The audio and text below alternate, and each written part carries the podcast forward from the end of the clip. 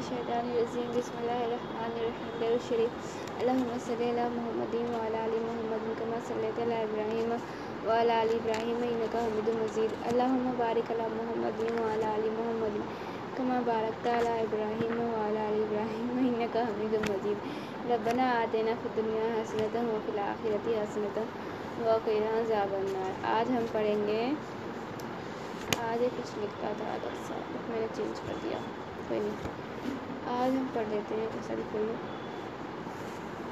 حضرت ابن ایک لائن سے پڑھتی ہوں کیا؟ آ رہی ہوں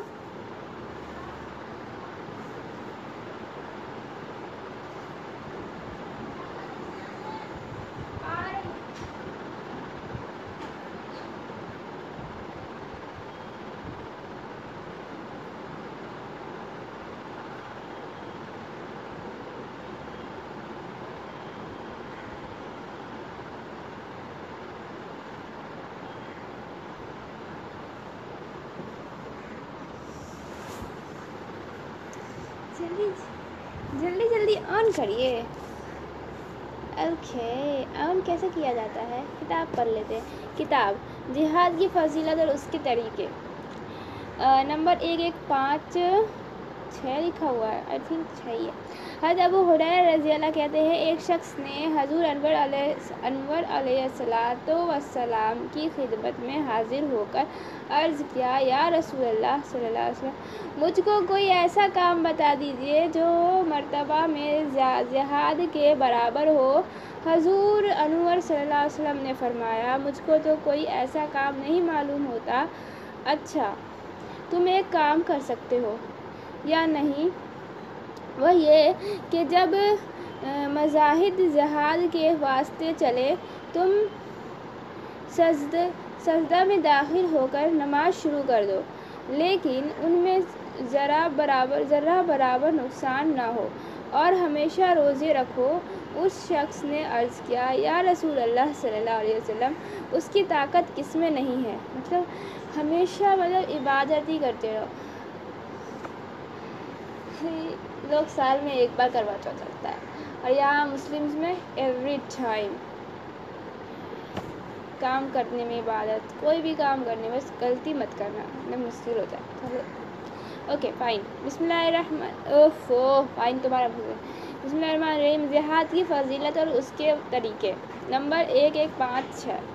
حضرت ابو حریر رضی اللہ کہتے ہیں، ایک شخص نے حضور انور علیہ صلاۃ والسلام کی خدمت میں حاضر ہو کر عرض کیا، یا رسول اللہ صلی اللہ علیہ وسلم، مجھ کو کوئی ایسا کام بتا دیجیے جو مرتبہ میں جہاد کے برابر ہو۔ حضور انور صلی اللہ علیہ وسلم نے فرمایا، مجھ کو تو کوئی ایسا کام نہیں معلوم ہوتا۔ اچھا تم ایک کام کر سکتے ہو یا نہیں؟ وہ یہ کہ جب مجاہد جہاد کے واسطے چلے، تم سجدہ میں داخل ہو کر نماز شروع کر دو، لیکن ان میں ذرہ برابر نقصان نہ ہو۔ اور ہمیشہ روزے رکھو، اس شخص نے عرض کیا، یا رسول اللہ صلی اللہ علیہ وسلم، اس کی طاقت کس میں نہیں؟ نمبر ایک ایک پانچ ہے حضرت ابو حریر رضی اللہ کہتے ہیں، میں ایک شخص نے حضور انور صلی علیہ صلاۃ وسلام کی خدمت میں حاضر ہو کر عرض کیا، یا رسول اللہ صلی اللہ علیہ وسلم، مجھ کو کوئی ایسا کام بتا دیجیے جو مرتبہ میں جہاد کے برابر ہو۔ حضور انور صلی اللہ علیہ وسلم نے فرمایا، مجھ کو تو کوئی ایسا کام نہیں معلوم ہوتا۔ اچھا تم ایک کام کر سکتے ہو، یا نہیں؟ وہ یہ کہ جب مجاہد، یہ مجھے سمجھ نہیں آ رہا کہ یا نہیں، کیا لکھا ہوا ہے؟ وہ یہ ہے کہ جب مجاہد جہاد کے واسطے چلے، تم سجدے میں داخل ہو کر نماز شروع کر دو، لیکن ان میں ذرہ برابر نقصان نہ ہو، اور ہمیشہ روزے رکھو، اس شخص نے عرض کیا، یا رسول اللہ، اس کی طاقت کس میں نہیں؟ مطلب کہ ایک بھی نقصان نہیں ہونا چاہیے جب جہاد کے لیے کوئی نکلے، تو تم بھی اپنا عبادت شروع کر دو۔ اور اس کام عبادت میں ایک بھی غلطی نہیں ہونا چاہیے اور سجدہ سہو سیکھنا پڑے گا پھر مجھے۔ غلطی جو ہو جاتی ہے، بار بار میں بھول جاتی ہوں، بار بار بھول جاتی ہوں، بار بار بھول جاتی ہوں، بار بار بھول جاتی ہوں۔ وہ نہیں ہونا چاہیے۔ This is very and very and very bad very سجدہ سہو۔ میرے جی، ماموں نے نا، ثنا نے بتایا تھا مجھے۔ ثنا۔ سجدہ سہو کے بارے میں بٹ سجدہ سہو نا مجھے لگا نہیں ضرورت اتنا لگتا ہے کہ کچھ ضرورت پڑ سکتی ہے ان کتاب کا کتاب علم کا بیان کتاب وضو کا بیان غسل کا بیان حیض کا بیان تیمم کا حیض کا بیان تیمم کا بیان نماز کا بیان نماز کے اوقات کا بیان ابتدا اذان کا بیان جمعہ کا بیان نماز خوف کا بیان عیدین کی نماز کا بیان وطر وطر واق کا بیان، نماز استثقاء کا بیان، کسوف کی نماز کا بیان، قرآن کے سجدوں کا بیان، نماز کے قصر کرنے کا بیان، شب نہیں، شب میں تہجد پڑھنے کا بیان کتبہ اللہ، کتاب اللہ اور مدینہ کے مساجد میں نماز پڑھنے کی فضیلت کا بیان، نماز سے یہ یار مجھے مل کیوں نہیں رہا ہے سجدہ سبو کے بارے میں، پڑھا تو تھا میں نے کہیں پہ۔ اور مجھے وہی کھوجنا ہے۔ سجدہ سبو کہاں ہے تو؟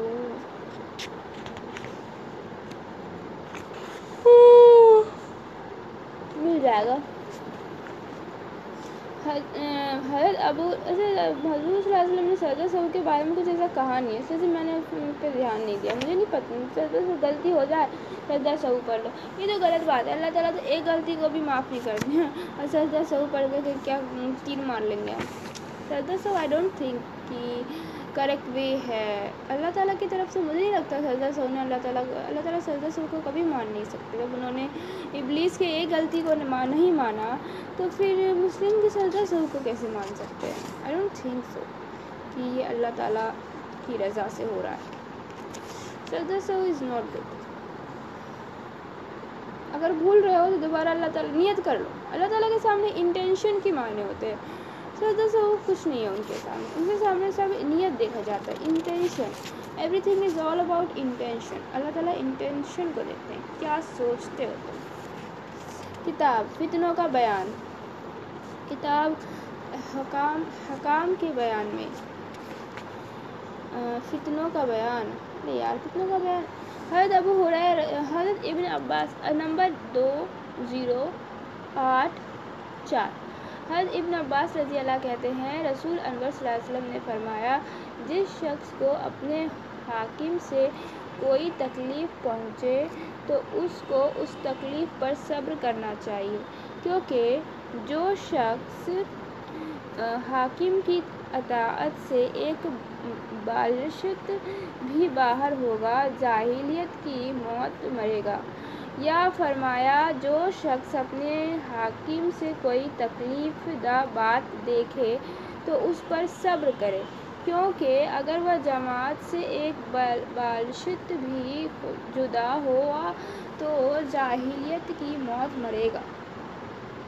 حضرت ابن عباس رضی اللہ کہتے ہیں، رسول انور صلی اللہ علیہ وسلم نے صلی اللہ وسلم رسول صلی اللہ علیہ وسلم نے فرمایا، جس شخص کو اپنے حاکم سے کوئی تکلیف پہنچے تو اس کو اس تکلیف پر صبر کرنا چاہیے، کیونکہ جو شخص حاکم کی اطاعت سے ایک بالشت بھی باہر ہوگا، جاہلیت کی موت مرے گا۔ یا فرمایا، جو شخص اپنے حاکم سے کوئی تکلیف و تکلیف دہ بات دیکھے تو اس پر صبر کرے۔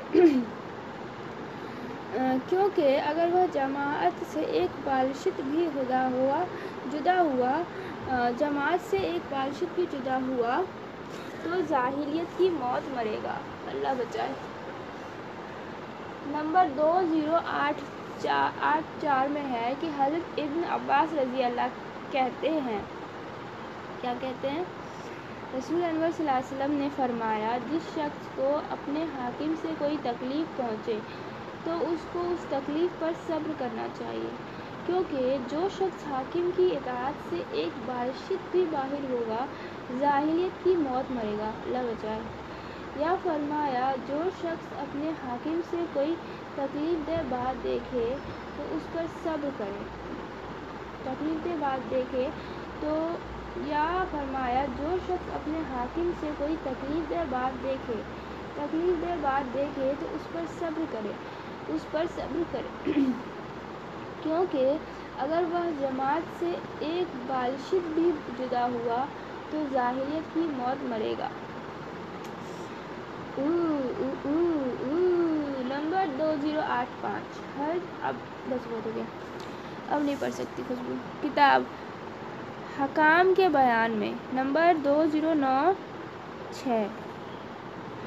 حضرت انس ابن مالک رضی اللہ بیان کرتے ہیں، رسول گرامی صلی اللہ علیہ وسلم نے فرمایا، اگر تمہاری اوپر تمہاری اوپر کوئی حبشی غلام حاکم بنایا جائے، جس کا سرکشمکش، سرکشمش، کشمش میں مانند ہو، تم اس کی بھی اطاعت کرو اور سنو۔ حضرت ابن حضرت انس ابن مالک رضی اللہ بیان کرتے ہیں۔ رسول گرامی صلی اللہ علیہ وسلم نے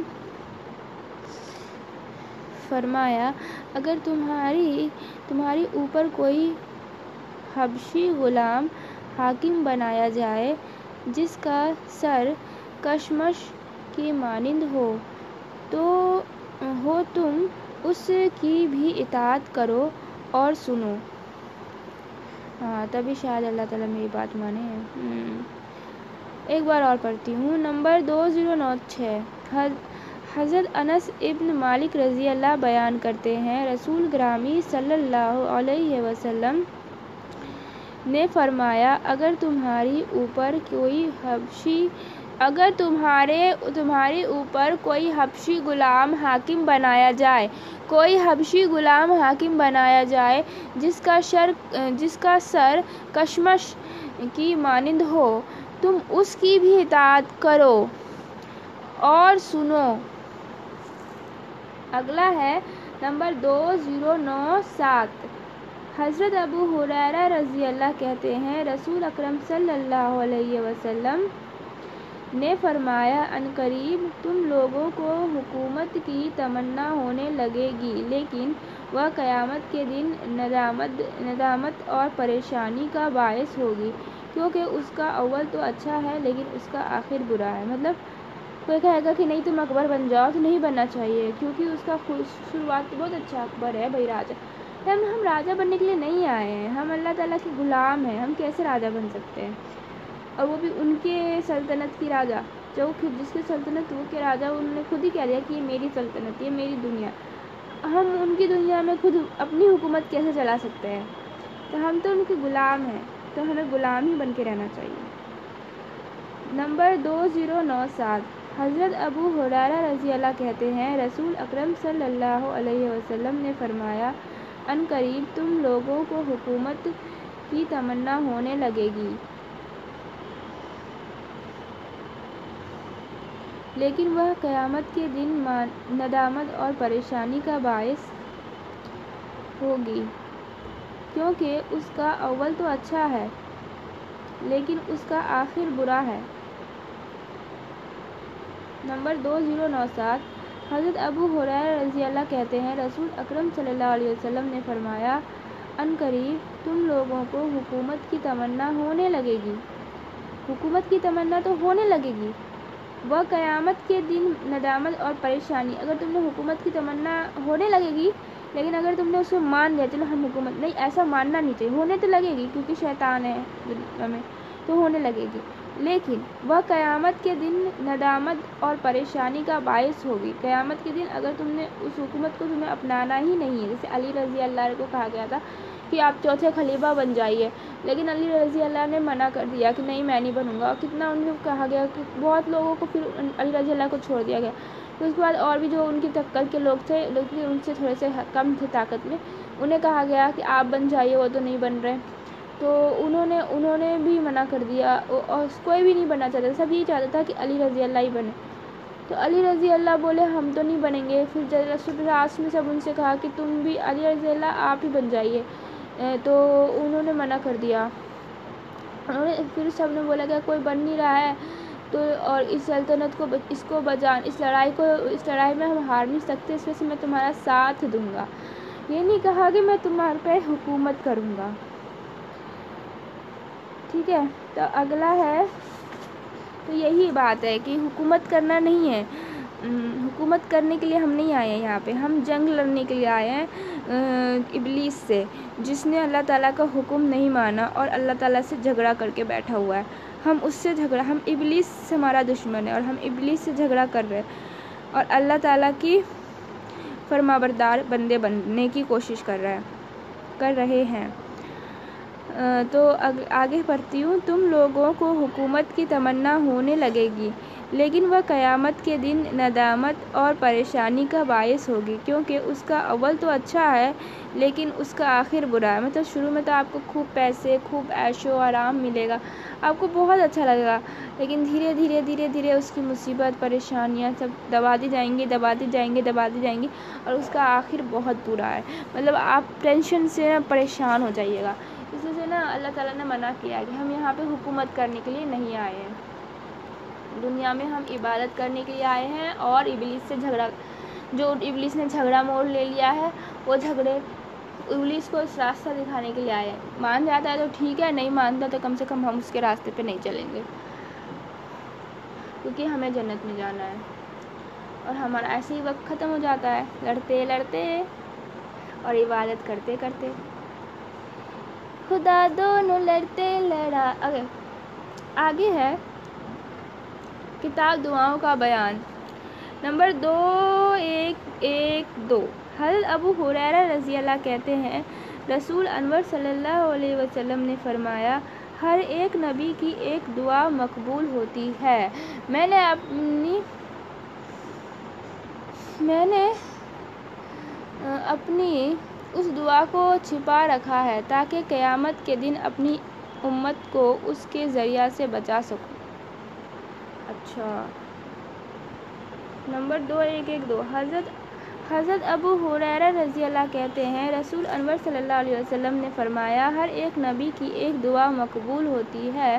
میں نے اپنی اس دعا کو چھپا رکھا ہے تاکہ قیامت کے دن اپنی امت کو اس کے ذریعہ سے بچا سکوں۔ نمبر دو، ایک ایک دو۔ حضرت ابو حریرہ رضی اللہ کہتے ہیں، رسول انور صلی اللہ علیہ وسلم نے فرمایا، ہر ایک نبی کی ایک دعا قبول ہوتی ہے۔ میں نے مقبول ہوتی ہے، مقبول ہوتی ہے لکھا ہوا ہے۔ قبول نہیں ہوتی، مقبول ہوتی ہے۔ مطلب ان کو ایک وردان ملا ہوا ہوتا ہے اللہ کی طرف سے۔ مقبول ہوتی ہے۔ میں نے اپنی اس دعا میں، اور اللہ حضور صلی اللہ علیہ وسلم نے، حضور صلی اللہ علیہ وسلم کو بولا گیا ہوگا، مانگو تم اپنی امت کے لیے کیا مانگنا چاہتے تو حضور صلی اللہ علیہ وسلم نے مانگا ہوگا کہ قیامت کے دن میں اپنے امت کو بخشوانا چاہتا ہوں۔ اور وہ اس امت کو بخشوانے کے لیے نماز پڑھ رہے نماز، بہت نماز پڑھتے ہیں، بہت دعا کرتے ہیں۔ اور ابھی بھی وہ نماز ہی پڑھ رہے ہیں۔ تو ابھی بھی وہ دعائی مانگتے ہیں اللہ تعالیٰ کے لیے کہ میری امت کو بخش دیجیے۔ ان کی آخری دعا آخر ان کی، ان کو یہی وردان ملا ہے۔ اور وہ اس کے لیے محنت بھی بہت کر رہے ہیں۔ ہوتی ہے۔ میں نے اپنی اس دعا کو چھپا رکھا ہے اور وہ جو دعا ہے حضور صلی اللہ علیہ وسلم کی، وہ دعا کو انہوں نے چھپا رکھا ہے۔ مطلب کسی کو نہیں پتہ کہ وہ دعا چھپ کیا ہے۔ ٹھیک ہے؟ چھپا رکھا ہے تاکہ قیامت کے دن اپنی امت کو اس کے ذریعہ سے بچا سکوں۔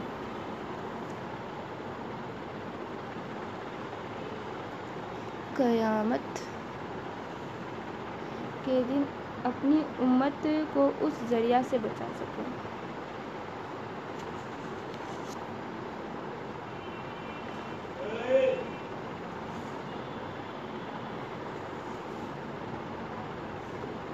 وفر وفر بنی تیم کا قصہ۔ اچھا۔ کتاب پڑھی ہوئی چیز مل جانے کا بیان۔ کتاب کسوف کی نماز کا بیان۔ کسوف کیا ہوتا ہے؟ حضرت ابو ابو بکر رضی اللہ کہتے ہیں نمبر پانچ، تین، آٹھ ہے۔ حضرت ابو بکر رضی اللہ کہتے ہیں، ایک روز ہم لوگ رسول اللہ صلی اللہ علیہ وسلم کی خدمت میں حاضر تھے کہ آفتاب گہن میں آنے لگا۔ حضور اکرم اکرم صلی اللہ علیہ وسلم فوراً اپنی چادر گھسیٹتے ہوئے تشریف لائے اور ہم لوگوں کو دو رکعت پڑھائی حتیٰ کہ آفتاب روشن ہو گیا۔ اعوذ باللہ من الشیطان الرجیم۔ بسم اللہ الرحمن الرحیم۔ درود شریف۔ کل سے نا میں شروع سے پڑھوں گی، ایسے بیچ بیچ سے پڑھنے سے پڑھ بیچ بیچ سے بھی پڑھنا پڑھنا وہ الگ بات ہے بٹ پر بیچ بیچ میں نہیں، مجھے تو صاف، سیدھے سیدھے پڑھنا چاہیے۔ سیدھے سیدھے ہی پڑھنے میں صحیح رہتا ہے۔ بیچ بیچ سے پڑھنے میں نا الٹ پلٹ ہو جاتا ہے۔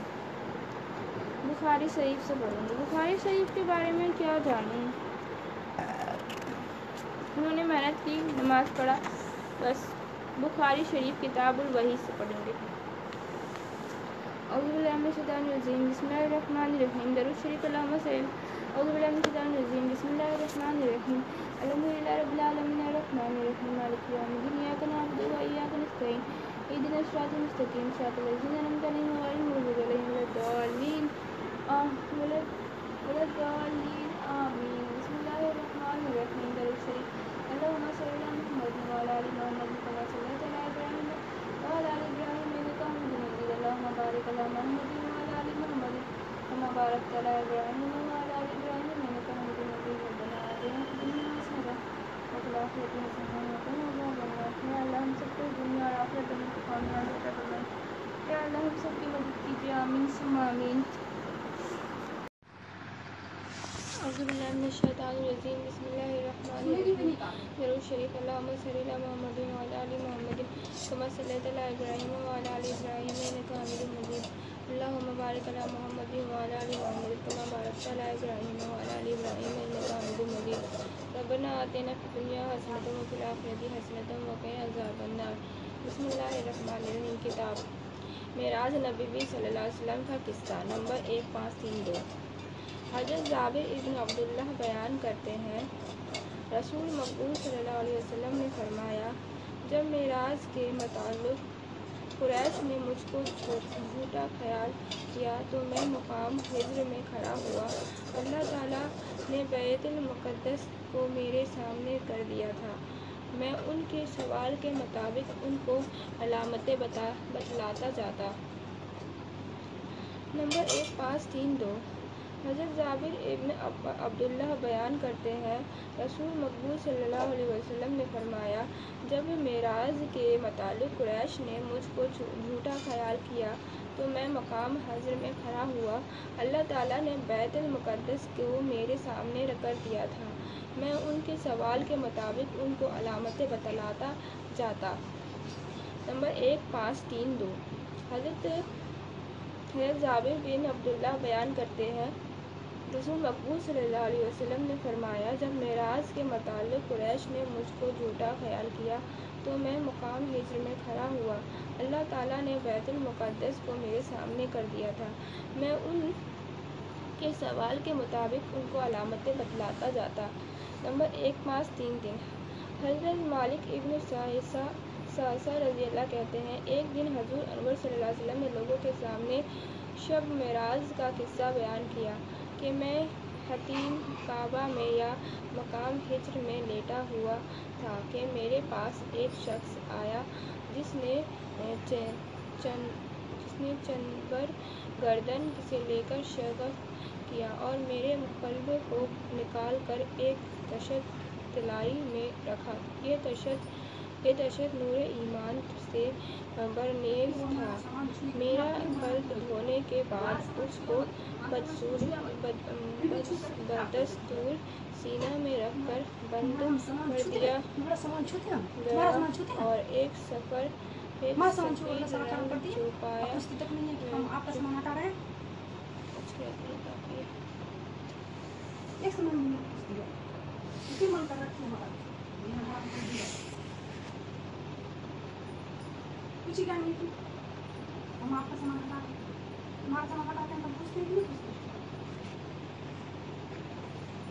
نمبر ایک سات ایک زیرو ایک۔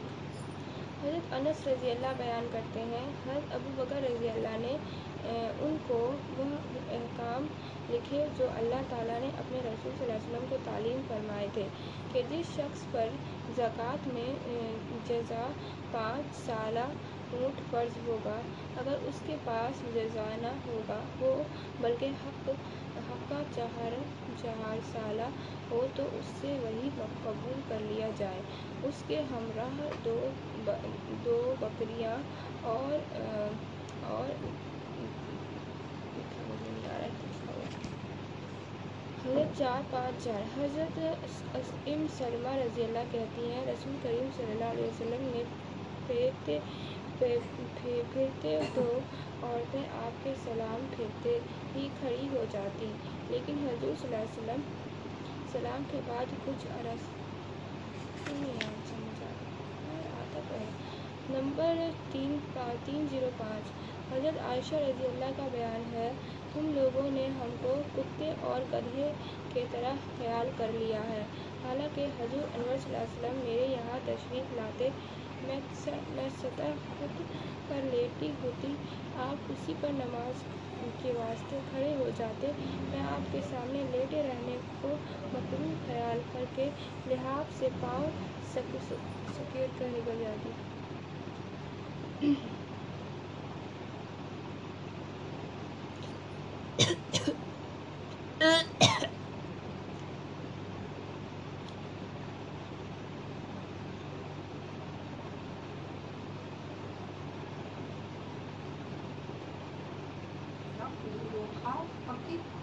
روزہ ہوا آج منڈے ہاں کھائی تھی سر نمبر تین زیرو پانچ حضرت عائشہ رضی اللہ کا بیان ہے تم لوگوں نے ہم کو کتے اور گدھے کی طرح خیال کر لیا ہے حالانکہ حضور علیہ صلی اللہ علیہ وسلم میرے یہاں تشریف لاتے میں سخت میں سخت پر لیٹی ہوتی آپ اسی پر نماز کے واسطے کھڑے ہو جاتے میں آپ کے سامنے حضور صلی اللہ علیہ وسلم کا سب سے پہلے، سب سے پہلے بچے میں ہی، جب ان کی دائی حلیمہ بیمار تھی، تو اسی ٹائم ان کو ایسا تک طاقت دیا تھا، وہ ان کو ٹھیک کر سکے۔ بچپن سے ہی ڈاکٹر ہیں۔ بڑے ہو کر کے چالیس سال بعد ان کو وہی ملنا شروع ہوا۔ پہلے تو ان کو ڈاکٹر کا کام کرنا ہوگا تھا۔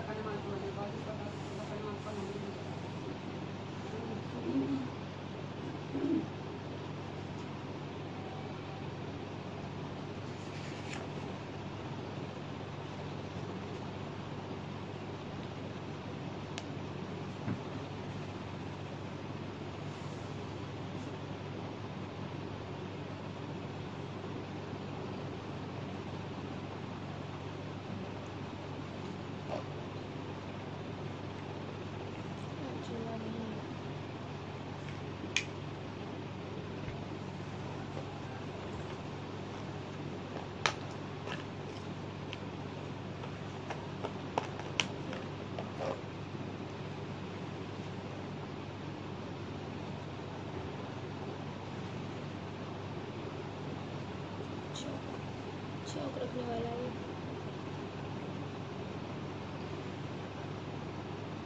اچھا ہے ویسے چوک رکھنے والا۔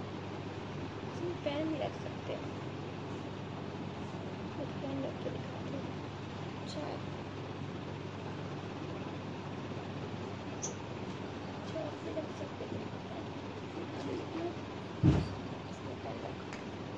اچھا رکھا ہے۔ پین رکھنے کے لیے اچھا ہے۔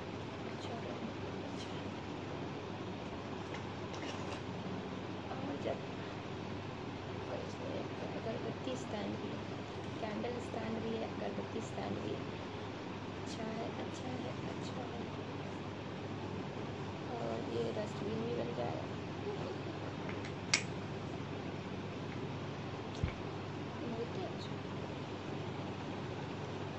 سوچ سمجھ کے لایا گیا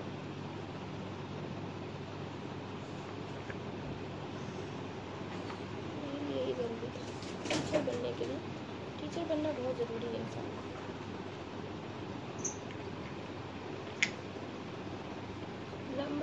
سات، چھ، دو، آٹھ، یہی حضرت بیان کرتے ہیں۔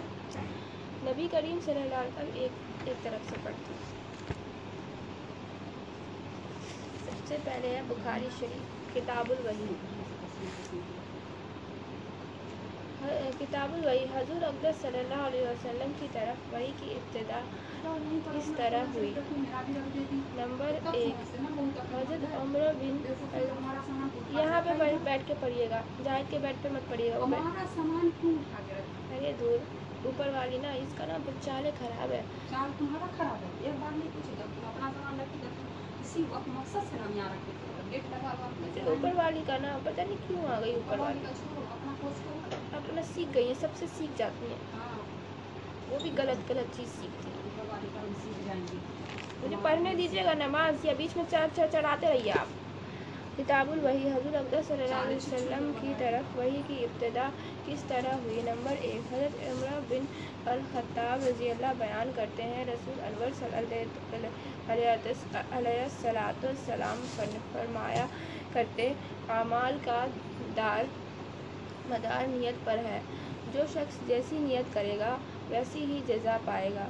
جس شخص کی حضرت دنیا حاصل کرنے یا کسی عورت سے نکاح کرنے کی نیت سے ہوگی، تو اس کو یہی چیز حاصل ہوگی۔ اور بس۔ نمبر دو۔ حضرت عائشہ رضی اللہ بیان کرتی ہیں۔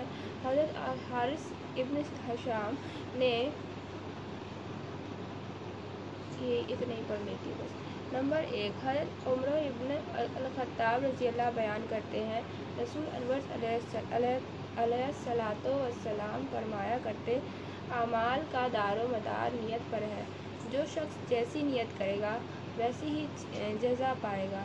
جس شخص کی حجرت دنیا حاصل کرنے یا کسی عورت سے نکاح کرنے کی نیت سے ہوگی، تو اس کو یہی چیز حاصل ہوگی۔ اور بس۔ نمبر ایک۔ حضرت حضرت عمر ابن الخطاب رضی اللہ بیان کرتے ہیں۔ رسول انور علیہ علیہ السلاۃ والسلام فرمایا کرتے اعمال کا دار و دار و مدار نیت پر ہے۔ اعمال کا دار و مدار نیت پر ہے۔ جو شخص جیسی نیت کرے گا، ویسی ہی جزا پائے گا۔ جس شخص کی حجرت دنیا حاصل کرنے یا کسی عورت سے نکاح کرنے کی نیت سے ہوگی، جس شخص کی حجرت دنیا حاصل کرنے یا کسی عورت سے نکاح کرنے کی نیت سے ہوگی، تو اس کو یہی چیزیں حاصل ہوں گی۔ اور بس۔ اس لیے سے کہتے ہیں دعا دعا کو درست کرو۔ دنیا سے جو مانگو گے کائنات تمہیں وہ دے گی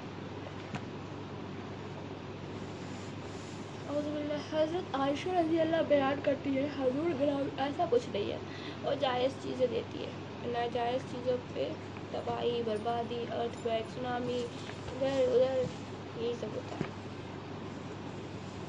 حضرت نمبر اتنا۔ حضرت عبداللہ ابن عمر رضی اللہ کہتے ہیں، حضور انور علیہ الصلاۃ والسلام نے فرمایا، ایک دن خواب میں میں نے لوگوں کو ایک میدان میں کنویں کی نزدیک جمع دیکھا۔ ان لوگوں نے سے، ان لوگوں میں سے پہلے ابو بکر رضی اللہ اٹھے۔ انہوں نے کنویں سے دو دو ایک ڈول نکالے، لیکن ان کے ڈول نکالنے میں کمزوری پائی جاتی تھی۔ خیر، اللہ تعالیٰ ان پر رحم فرمائے۔ اس کے بعد وہ ڈول حضرت عمر رضی اللہ نے لیا۔ ان کے ہاتھ میں لیتے ہی وہ ڈول مثل چرس کے بن گیا۔ میں نے ان تمام لوگوں کے اندر ایسا کامل کام کرنے والا کوئی جوان نہ دیکھا۔ انہوں نے اس قدر پانی کھینچا کہ لوگوں نے اپنے اونٹوں کو خوب سیراب کر لیا۔ اعوذ باللہ من الشیطان الرجیم، بسم اللہ الرحمن الرحیم۔ ابھی مجھے نا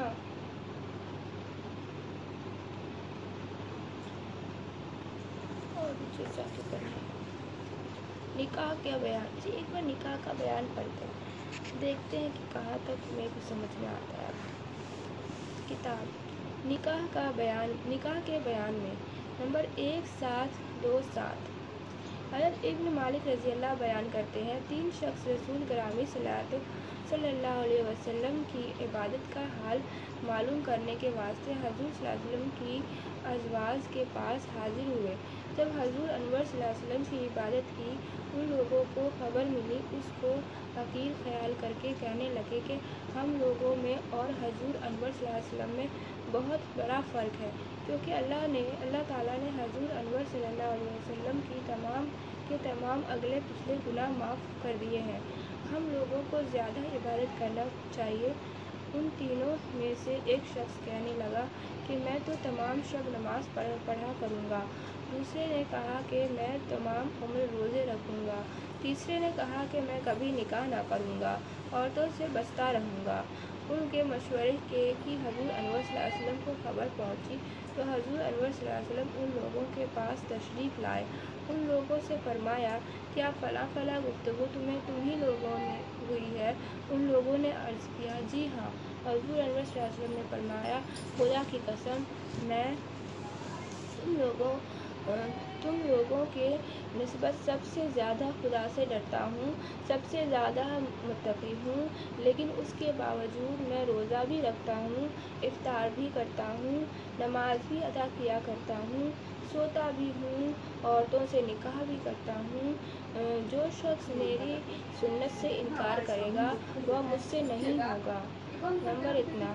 حضرت سعد ابن ابی وقاص رضی اللہ کہتے ہیں، رسول انور صلی اللہ علیہ وسلم نے حضرت عثمان ابن مضمون رضی اللہ کو نکاح سے آراز کرنے کی ممانعت فرما دی تھی۔ اگر حضور انور صلی اللہ علیہ وسلم ان کو اجازت دے دیتے تو ہم لوگ پھنسی ہو جاتے۔ یہ ابھی تک سمجھ نہیں آ رہا۔ نمبر ایک سات چار نو۔ حضرت ابو حریرہ رضی اللہ کا بیان ہے ایک مرتبہ میں نے حضور انور صلی اللہ علیہ وسلم سے عرض کیا، یا رسول اللہ، میں جوان آدمی ہوں۔ مجھے خوف ہے کہ اگر میں بغیر نکاح کیے رہوں گا تو گناہ میں گرفتار ہو جاؤں گا۔ لیکن مجھ میں اتنی بھی وسعت نہیں کہ نکاح کر لوں، آپ میرے متعلق کیا حکم دیتے ہیں؟ حضور انور صلی اللہ علیہ وسلم نے مجھ کو کوئی خواب نہ، مجھ کو کوئی جواب نہ دیا۔ میں نے پھر حضور انور صلی اللہ علیہ وسلم سے دریافت کیا حضور انور صلی اللہ علیہ وسلم نے پھر بھی کوئی جواب نہ دیا۔ میں نے پھر حضور انور صلی اللہ علیہ وسلم سے دریافت کیا۔ پھر حضور انور صلی اللہ علیہ وسلم کوئی جواب نہ دیا نے کوئی حضور صلی اللہ علیہ وسلم نے کوئی جواب نہ دیا۔ میں نے پھر حضور انور صلی اللہ علیہ وسلم سے دریافت کیا۔ کیا حضور انور صلی اللہ علیہ وسلم کیا حضور انور صلی اللہ علیہ وسلم نے فرمایا؟ دیکھتے ہیں کتنا چالو اس میں۔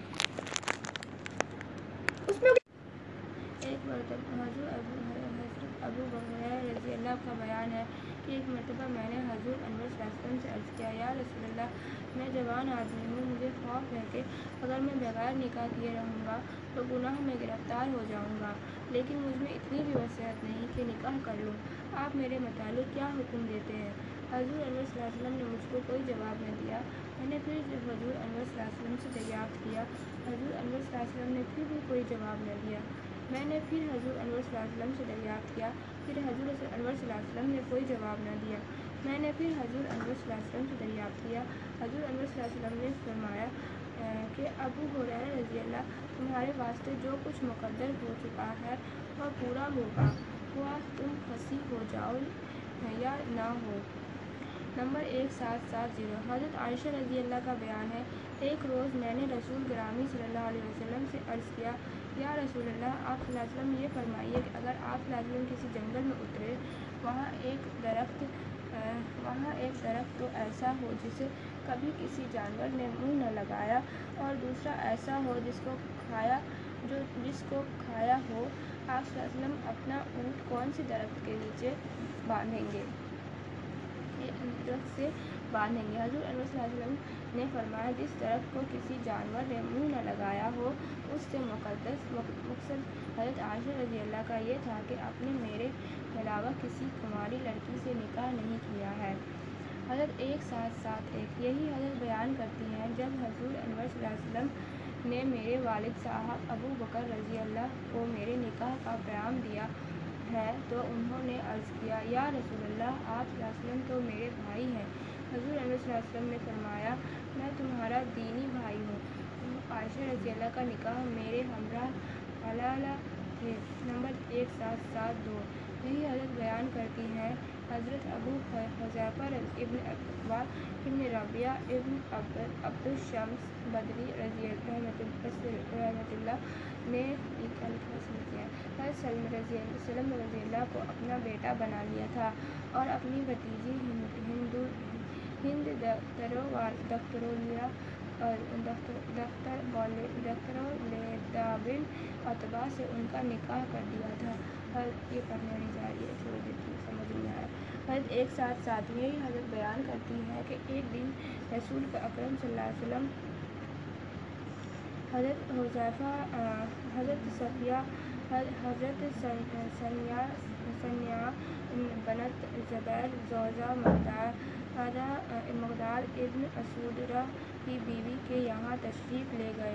ان لے گئے۔ ان سے دریافت کیا کہ شاید تمہارا حج کے جانے کا ارادہ ہے۔ انہوں نے عرض کیا، یا رسول اللہ صلی اللہ علیہ وسلم، مجھے خوف ہے کہ یہی کہیں میں راستہ راستے میں بیمار نہ ہو جاؤ حضور علیہ وسلم نے فرمایا کہ تم حج کی نیت کرو، اس میں یہ شرط لگا لو کہ جہاں مجھ کو روک لے گا وہی حلال ہو جاؤں گا۔ نمبر ایک سات سات چار۔ حضرت ابو حریرہ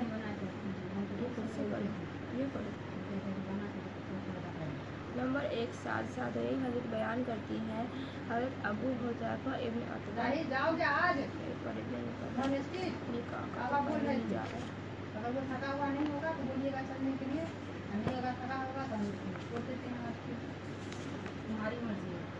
حضرت انس رضی اللہ نمبر سات نمبر ایک سات سترہ اتارا حضرت انس رضی اللہ بیان کرتے ہیں رسول خدا علیہ کے بھی نہیں سمجھتا کچھ سمجھ ہی نہیں آیا آدمی مجھے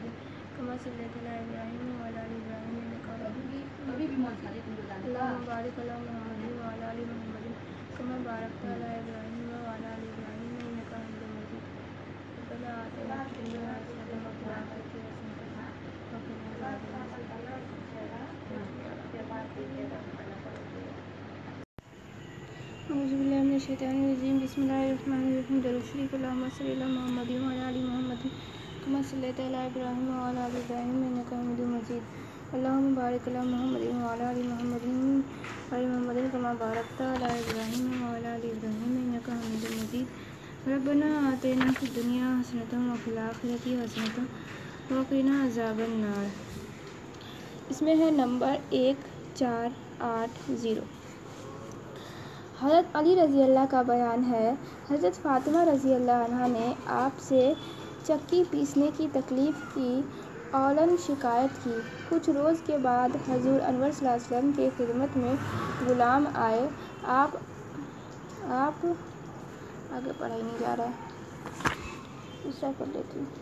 نمبر ایک، تین، نو، پتہ نہیں ادھر سے پڑھتے ہیں۔ لائٹ۔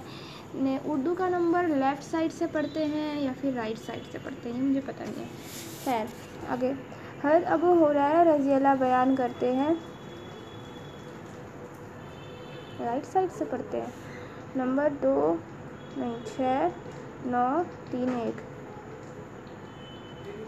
حضرت ابو حریرہ رضی اللہ بیان کرتے ہیں۔ رسول مقبول صلی اللہ علیہ وسلم نے فرمایا، بنی نبی نبی اسرائیل، بنی اسرائیل میں تین آدمی تھے، ایک جزامی، دوسرا اندھا، تیسرا اگ۔ یار، کتنا ٹف اردو ہے، کچھ سمجھ میں نہیں آتا ہے۔ اتنا کوئی ٹف اردو رکھتا ہے کیا؟ پھر بھی اردو مجھے سیکھنا ہے، پھر عربی سیکھنا ہے، پھر عربی سمجھنا بھی ہے۔ اردو میں کتنے سارے لفظ مجھے نہیں آتے، انگلش بھی نہیں آتی، بہت کچھ سیکھنا ہے۔ نمبر ایک، سات، تین، ایک، حضرت ابو ہریرہ رضی اللہ کہتے ہیں، رسول انور صلی اللہ رسول رسول کہتے ہیں، رسول انور علیہ صلاۃ نے فرمایا، حضرت خضر علیہ السلام کا نام، آج کیوں نہیں پڑھا؟ کیوں نہیں، مجھے پڑھنا ہے، مجھے کوشش کرنی پڑے گی، تبھی ہوگا۔ نمبر ایک ایک ایک، دو۔ حضرت عائشہ رضی اللہ بیان کرتی ہیں، جب حضور انور علیہ السلات وسلام کسی سفر میں تشریف لے جاتے، اپنی ازواج کے درمیان میں کرا اندازی کر لیتے، جس جس بی بی کا نام کرا میں نکل آتا، اسی کو اپنے ہمراہ لے لیتے۔ حضور اقدر صلی اللہ علیہ وسلم نے اپنی بیویوں کے واسطے رات اور دن تقسیم فرما دیے تھے۔ علاوہ حضرت سودہ سودہ بن سودہ حضرت سعود حضرت حضرت سودہ بنت زماں رضی اللہ کے انہوں نے اپنی باری حضور انور صلی اللہ علیہ وسلم کی خوشنودی مزاج کے واسطے حضرت عائشہ رضی اللہ کو بخش دی تھی۔ نمبر ایک ایک چار ایک ایک ایک چار۔ حضرت ابن عباس رضی اللہ بیان کرتے ہیں، رسول انور صلی اللہ علیہ وسلم نے فرمایا، ہوا کر کے واپس لینے والا اس کتے کی طرح ہے جو کر جو کہ کر کے پھر کھا لے۔ جو کہہ کر کے پھر کھا لے۔ اے اللہ پاک، رحم کیجیے۔ نمبر ایک ایک ایک، دو۔ حضرت عائشہ رضی اللہ بیان کرتی ہیں، جب حضور انور صلی علیہ صلاۃ کسی سفر میں تشریف لے جاتے، اپنی ازواج کے درمیان میں کرا اندازی کر لیتے۔ جس بیوی کا نام کرا میں نکل آتا، اسی کو اپنے ہمراہ لے لیتے۔ حضور اقدس صلی اللہ علیہ وسلم نے اپنی بیویوں کے واسطے رات اور دن تقسیم فرما دیے تھے۔ علاوہ حضرت سودہ بنت زمان رضی اللہ کے انہوں نے اپنی باری حضور انور صلی اللہ علیہ وسلم کی خوشنودی مزاج کے واسطے حضرت عائشہ رضی اللہ کو بخش دی تھی۔ مطلب یہ کرا کا کام سب سب پرچی پہ نام لکھنا، یہ سب حضرت عائشہ رضی اللہ کو سونپ دیا تھا۔ اس میں حضرت عائشہ رضی اللہ نے اپنا نام بھی لکھ دیا تھا، جس دن اس کا کرا ان کا کرا آئے گا، اس دن ان کی باری ہوگی۔ شاید ایسا ہی کچھ ہے۔ جہاں تک مجھے سمجھ میں آ رہا ہے۔ نمبر ایک ایک ایک چھ۔ حضرت عائشہ رضی اللہ بیان کرتی ہے جب حضور انور صلی اللہ علیہ وسلم کسی سفر میں تشریف لے جاتے، اپنی ازواج کے درمیان میں کرا اندازی کر لیتے۔ جس بیوی کا نام کرا میں نکل آتا، اسی کو اپنے ہمراہ لے لیتے۔ حضور اقدس صلی اللہ علیہ وسلم نے اپنی بیویوں کے واسطے رات اور دن تقسیم فرما دیے تھے۔ علاوہ حضرت سودہ بنت جمع ضلع کے انہوں نے اپنی بھائی حضور خوشنودی مزاج کے واسطے حضرت عائشہ رضی اللہ کو بخش دی تھی۔ کہاں لکھا ہوا ہے اسے کچھ سمجھ میں نہیں آتا۔ بس ممی اندر بھی اتنا گرمی ہے نا جس کا کوئی حساب نہیں ہے۔ ہاں بس دیکھو باپ پیچھے۔ راستہ کو بیٹھو آپ۔ جا جلدی۔ ہاں؟ شروع کر کے لا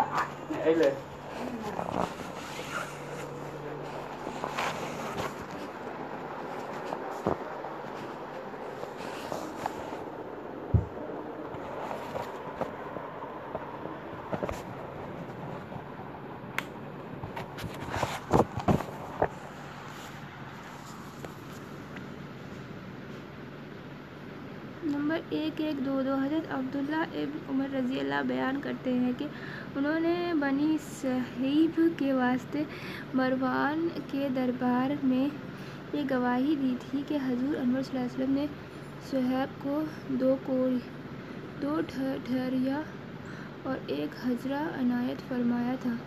مروان نے حضرت عبداللہ کی گواہی کی وجہ سے صہیب کے واسطے حکم دی۔ دی دیا تھا۔ کیا بتاؤں؟ کتاب پڑھی ہوئی چیز مل جانے کا بیان۔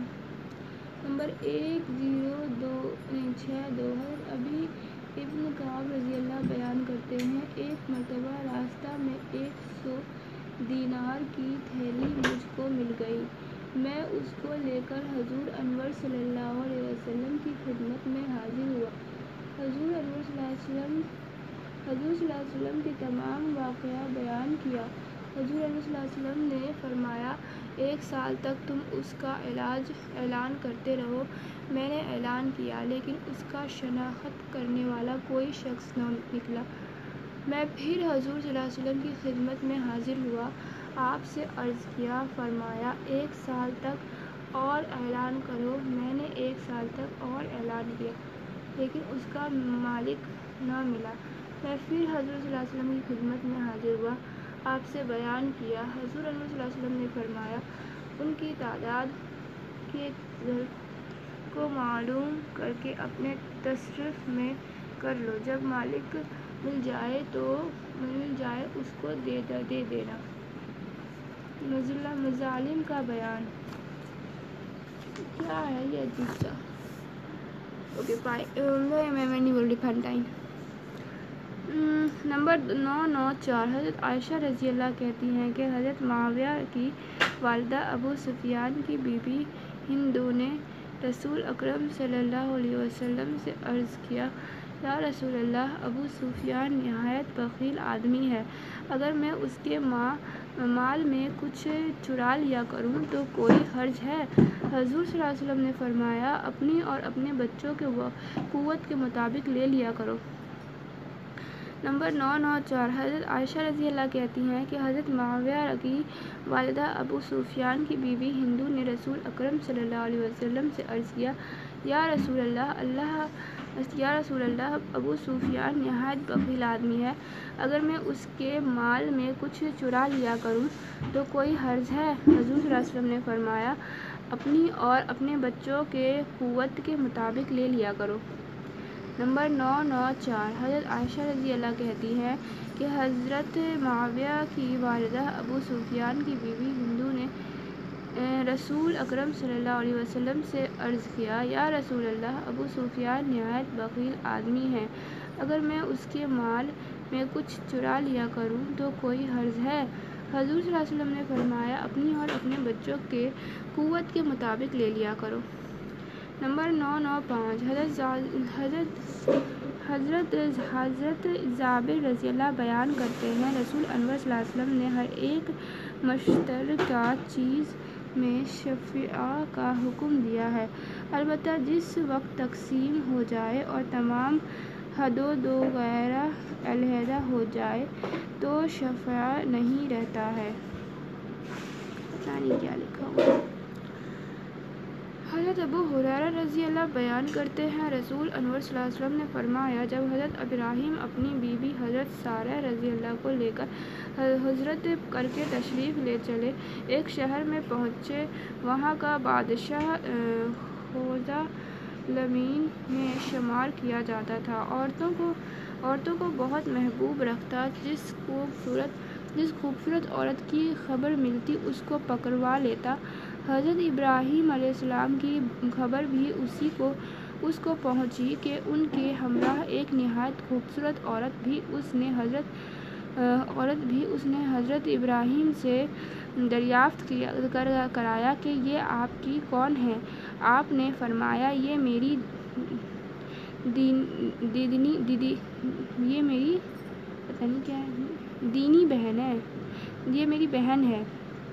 سمجھ لو بہنیں لکھا ہوا ہے۔ بیچ میں کون کون سی بہن یہ نہیں لکھا ہوا ہے؟ سمجھ نہیں آ رہا مطلب لکھا ہوا تو ہے۔ اس کے بعد سارہ رضی اللہ سے کہا دیا کہ تم مجھ کو جھوٹا نہ کرنا۔ میں نے ان سے یہ کہہ دیا ہے کہ یہ میری بہن ہے، کیونکہ اس وقت میرے اور تمہارے علاوہ کوئی زمین پر پراہل ایمان میں سے نہیں۔ الغرض حضرت سارہ رضی اللہ کو آپ نے اس کے پاس روانہ کر دیا۔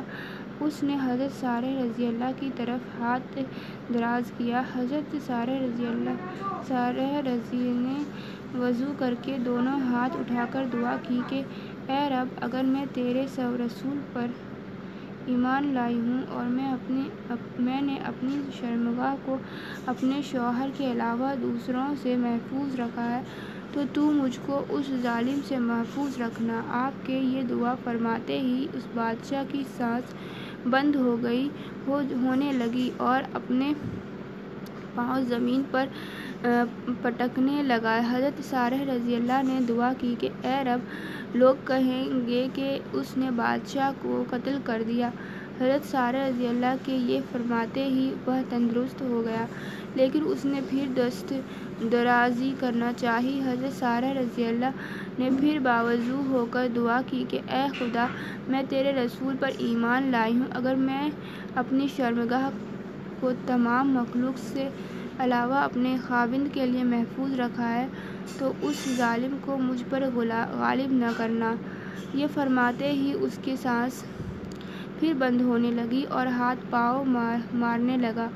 حضرت سارہ رضی اللہ نے عرض کیا، اے خدا بندہ اگر یہ یہ مر گیا تو لوگ کہیں گے کہ اس کو مار ڈالا۔ بادشاہ پھر تندرست ہو گیا۔ اس مرتبہ تندرست ہو کر کہنے لگا، تم لوگوں نے خدا کی قسم شیطان کو بھیج دیا ہے کہ ہے، اس کو لے جاؤ۔ اور حاضرہ رضی اللہ لونڈی بھی دے دو چنانچہ حضرت سارہ رضی اللہ کو میں لونڈی کے حضرت ابراہیم علیہ السلام کی خدمت میں روانہ کر دیا۔ حضرت سارہ رضی اللہ نے حضرت ابراہیم علیہ السلام سے عرض کیا، آپ کو معلوم ہے کہ اللہ تعالیٰ نے اس کافر کو ذلیل بھی کیا اور ہم کو خدمت کے واسطے لونڈی بھی عطا فرمائی۔ پھر سے پڑھتی ہوں۔ نمبر نو نو اچھا چھ حضرت ابو حریرہ رضی اللہ بیان کرتے ہیں، رسول انور صلی اللہ علیہ وسلم نے فرمایا، جب حضرت ابراہیم اپنی بیوی حضرت سارہ رضی اللہ کو لے کر، ارے وہ دن یاد آ گیا مجھے، اگنو میں جو ایک لڑکا چڑھ چڑھ چڑھ چڑھا رہا تھا بہت اسٹیج پہ آ گئے بس وہ لڑکی کی جگہ نا یہی کیا بولا تھا اس نے لڑکی کو؟ ایسی لونڈی یا کچھ ایسی کچھ ایسی ورڈ استعمال کیا تھا لڑکی کے لیے، تو اس کو نا وہاں کے جو ہیڈ تھے، انہوں نے اسی ٹائم اس کو نیچے اتار دیا۔ خیر۔ نمبر نو نو چھ حضرت ابو حرائے رضی اللہ بیان کرتے ہیں، رسول اللہ صلی اللہ علیہ وسلم نے فرمایا، جب حضرت ابراہیم اپنی بیوی حضرت سارہ رضی اللہ کو لے کر ہجرت کر کے تشریف لے چلے، ایک شہر میں پہنچے، وہاں کا بادشاہ جو ظالمین میں شمار کیا جاتا تھا، عورتوں کو بہت محبوب رکھتا، جس کو جس خوبصورت عورت کی خبر مل، جس خوبصورت عورت کی خبر ملتی، اس کو پکڑوا لیتا۔ حضرت ابراہیم علیہ السلام کی خبر بھی اس کو پہنچی کہ ان کے ہمراہ ایک نہایت خوبصورت عورت بھی اس نے حضرت ابراہیم سے ابراہیم سے سے دریافت کرایا کہ یہ آپ کی کون ہے؟ آپ نے فرمایا یہ میری دینی بہن ہے۔ اس کے بعد سارے رضی اللہ سے کہہ دیا کہ تم مجھ کو جھوٹا نہ کرنا۔ میں نے ان سے یہ کہہ دیا کہ یہ میری دینی بہن ہے کیونکہ اس وقت میری اور تمہارے علاوہ کوئی زمین پر اہل ایمان میں سے نہیں۔ الغرض حضرت سارے رضی اللہ کو آپ نے اس کے پاس روانہ کر دیا۔ اس نے حضرت سارے رضی اللہ کی طرف ہاتھ دراز کیا۔ حضرت سارے رضی اللہ نے وضو کر کے دونوں ہاتھ اٹھا کر دعا کی کہ، اے رب، اگر میں تیرے سوا، تیرے رسول پر ایمان لائی ہوں اور میں نے اپنی شرمگاہ کو اپنے شوہر کے علاوہ دوسروں سے محفوظ رکھا ہے، تو تو مجھ کو اس ظالم سے محفوظ رکھنا۔ آپ کے یہ دعا فرماتے ہی اس بادشاہ کی سانس بند ہونے لگی اور اپنے پاؤں زمین پر پٹکنے لگا۔ حضرت سارہ رضی اللہ نے دعا کی کہ اے رب، لوگ کہیں گے کہ اس نے بادشاہ کو قتل کر دیا۔ حضرت سارہ رضی اللہ کی یہ فرماتے ہی وہ تندرست ہو گیا، لیکن اس نے پھر دست درازی کرنی چاہی۔ حضرت سارہ رضی اللہ نے پھر وہ باوضو ہو کر دعا کی کہ، اے خدا، میں تیرے رسول پر ایمان لائی ہوں۔ اگر میں نے اپنی شرمگاہ کو تمام مخلوق کے، مخلوق سے علاوہ اپنے خاوند کے لیے محفوظ رکھا ہے، تو اس ظالم کو مجھ پر غالب نہ کرنا۔ یہ فرماتے ہی اس نے اس کی سانس پھر بند ہونے لگی اور ہاتھ پاؤں مارنے لگا۔ حضرت سارہ رضی اللہ نے عرض کیا، اے خداوند، اگر یہ مر گیا تو لوگ کہیں گے کہ اس کو مار ڈالا۔ بادشاہ پھر تندرست ہو گیا۔ اس مرتبہ تندرست ہو کر کہنے لگا تم لوگوں نے خدا کی قسم شیطان کو بھیج دیا ہے۔ اس کے اس کو لے جاؤ اور حاضرہ رضی اللہ لونڈی بھی دے دو۔ چنانچہ حضرت سارہ رضی اللہ کو مالونڈی کے مولونڈی کے حضرت ابراہیم علیہ السلام کی خدمت میں روانہ کر دیا۔ حضرت سارہ رضی اللہ نے حضرت ابراہیم علیہ السلام سے عرض کیا، آپ کو معلوم ہے کہ اللہ تعالیٰ نے اس کا اس کا، اللہ تعالیٰ نے اس کا فر اس کافر کو ذلیل بھی کیا اور ہم کو خدمت کے واسطے لونڈی بھی عطا فرمائی۔ نمبر نو نو چھ۔ حضرت ابو حریرہ رضی اللہ بیان کرتے ہیں۔ رسول انور صلی اللہ علیہ وسلم نے فرمایا اچھا ٹھیک ہے، اعوذ باللہ من الشیطان الرجیم۔ اللہ الرحمن الرحیم۔ درود شریف اللہم صلی اللہ محمد وعلی آل محمد کما صلیت۔ علی ابراہیم وعلی آل ابراہیم انک حمید مجید۔ اللہم بارک علی محمد وعلی آل محمد۔ کما بارکت علی ابراہیم وعلی آل ابراہیم انک حمید مجید. ربنا آتنا فی الدنیا حسنۃ وفی وقنا عذاب النار. آمین، صلی یا اللہ، ایسا ہوا تھا ایک دن اگنو میں ہمیشہ ہوتا ہے نا، بہت جاتی تھی جاب کے لیے۔ تو جاب کے لیے گئی تھی تو وہاں پہ ہو رہا تھا سیمینار، ایک لڑکا کو کہا تھا بولنے کے لیے۔ پتہ نہیں کس دن بولنے کے لیے تھا، کہا تھا لیکن تو اس میں سارا بہت اچھا بولا، بہت اچھا بولا، بہت اچھا بولا۔ کسی ڈیلی یونیورسٹی کے کالج سے تھا وہ۔ اب بہت اچھا بول رہا تھا ایک میں نے اس کو شاید بولنے کا بہت شوق ہو بولی مجھے بھی شوق ہے۔ مجھے اچھا لگا سب سے لاسٹ میں جو اس نے لڑکی کو لونڈی بول دیا نا، مجھے بھی اچھا نہیں لگا، سر کو بھی اچھا نہیں لگا۔ اسی ٹائم اس کو اسٹیج پر سے اتار دیا۔ او God bye bye thank you when have a nice day